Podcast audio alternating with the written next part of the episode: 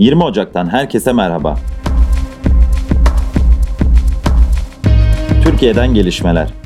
Twitter, Periscope ve Pinterest gibi teknoloji şirketleri Türkiye'ye temsilci atamadı. İlgili şirketlere reklam yasağı getirildi. Karar resmi gazetede yayımlandı. Gazeteci Hrant Dink'in 19 Ocak 2007'de kurucusu ve genel yayın yönetmeni olduğu Agos gazetesi önünde öldürülmesi üzerinden 14 yıl geçti. 90 yaş üstü vatandaşlara Sağlık Bakanlığı tarafından Çin çıkışlı koronavak aşısı uygulanmaya başlandı. Dünyadan gelişmeler. Amerika Birleşik Devletleri merkezli serbest fon Elliott Management, Hong Kong ofisini kapatma kararı aldı. Bu kararla 2019'dan beri bölgede yaşanan sivil karışıklık ve siyasi gerginliği takiben ilk defa küresel bir finansal kuruluş operasyonlarını sonlandırmış oldu. Tunus'ta gençlerin oluşturduğu göstericiler güvenlik güçlerine taş ve molotof kokteyli attı. Polis ise göstericilere tazikli su ve biber gazıyla müdahale etti.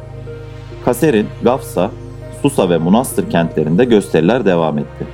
Pazartesi günü başkent Tunus'taki Burgiba Caddesi'nde hükümet binalarının önünde bir araya gelen göstericiler gözaltına alınanların serbest bırakılmasını talep etti. Tunus'ta kötüye giden ekonomik durum sebebiyle başladığı belirtilen protestolar sebebiyle askerler sokaklarda görevlendirildi. İçişleri Bakanlığı'nın açıklamasına göre eylemlerin başladığı günden bu yana çocuklar ve gençlerin de dahil olduğu yaklaşık bin kişi gözaltına alındı. Rusya'da Cumhurbaşkanı Vladimir Putin'in sözcüsü Dmitri Peskov, batılı ülkelerin hapisteki muhalif aktivist Alexei Navalny'nin serbest bırakılmasına ilişkin taleplerini dikkate almayacaklarını açıkladı. Hafta başında yargılamadan önce hakkında 30 gün tutukluluk kararı alınan Navalny ise halkı kendileri ve gelecekleri için sokağa çıkmaya davet etti. Amerika Birleşik Devletleri'nin seçilmiş başkanı Joe Biden yarın yemin edip göreve başlıyor. Ancak Washington'da 6 Ocak'ta meydana gelen Kapitol baskının etkileri sürüyor.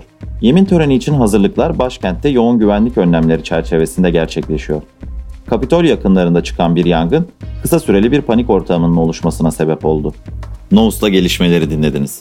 Hoşçakalın.